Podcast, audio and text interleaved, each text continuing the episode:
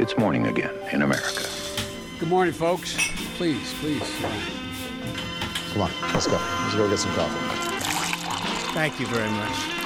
Det er onsdag 21. mars, og morgenkaffen fra amerikanskpolitikk.no er servert. I går var det guvernørprimærvalg i Illinois, og det gikk som vi trodde, og som jeg snakket om i går. Republikaneren Bruce Roner, guvernøren, vant sitt primærvalg, men det var bare så vidt, mens JB Pritzker, demokraten, vant med klar margin. Det er dermed duka for et primærvalg mellom to rike menn, eh, og Roner, guvernøren, er svak. Pritzker er, eh, er nok favoritt der, og det blir et veldig spennende valg å følge.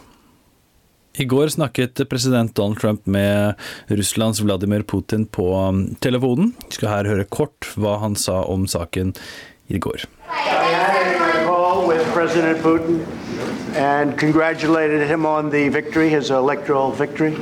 The uh, call had to do also with the fact that we will uh, probably get together in the not too distant future. Litt dårlig lyd her. Overskriften er iallfall at Trump gratulerte Putin med valgseieren. Det er han ikke alene om. Det er også ledere i Frankrike, Tyskland og andre land gjort. Og Obama gjorde det også tilbake i 2012. Men når det kommer til Russland og, og Trump, så er jo saken en, en, annen, med en annen bakhistorie her.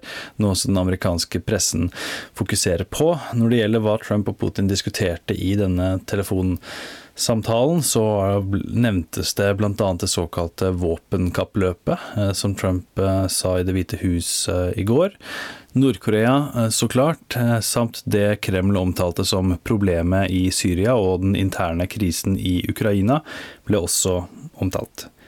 Saker som ikke ble diskutert, Russlands innblanding i det amerikanske valget i 2016 og potensielt 2018, Forgiftningen av den tidligere spionen Sergej Skripal, eh, det ble heller ikke nevnt. Og heller ikke rapportene om eh, valgfusk i, eh, i Russland. Det ble heller ikke tatt opp. Fascinerende aspekt her er jo at Det hvite hus leker som en sil, og at hans sikkerhetsrådgivere skal ha brifa ham og skrevet et notat der det sto i store bokstaver 'Do not congratulate'. Trump gjorde jo nettopp det.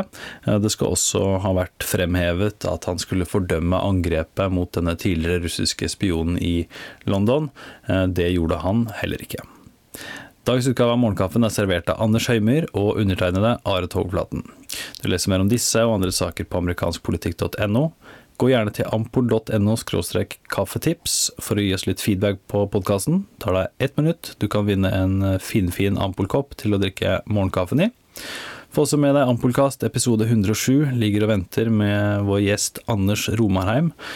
Veldig fin prat om eh, Trumps utenrikspolitikk, hans team og ikke minst denne Russland-etterforskningen. Hyggelig om du gjør det. Tipser andre om å gjøre det samme, og så snakkes vi i morgen.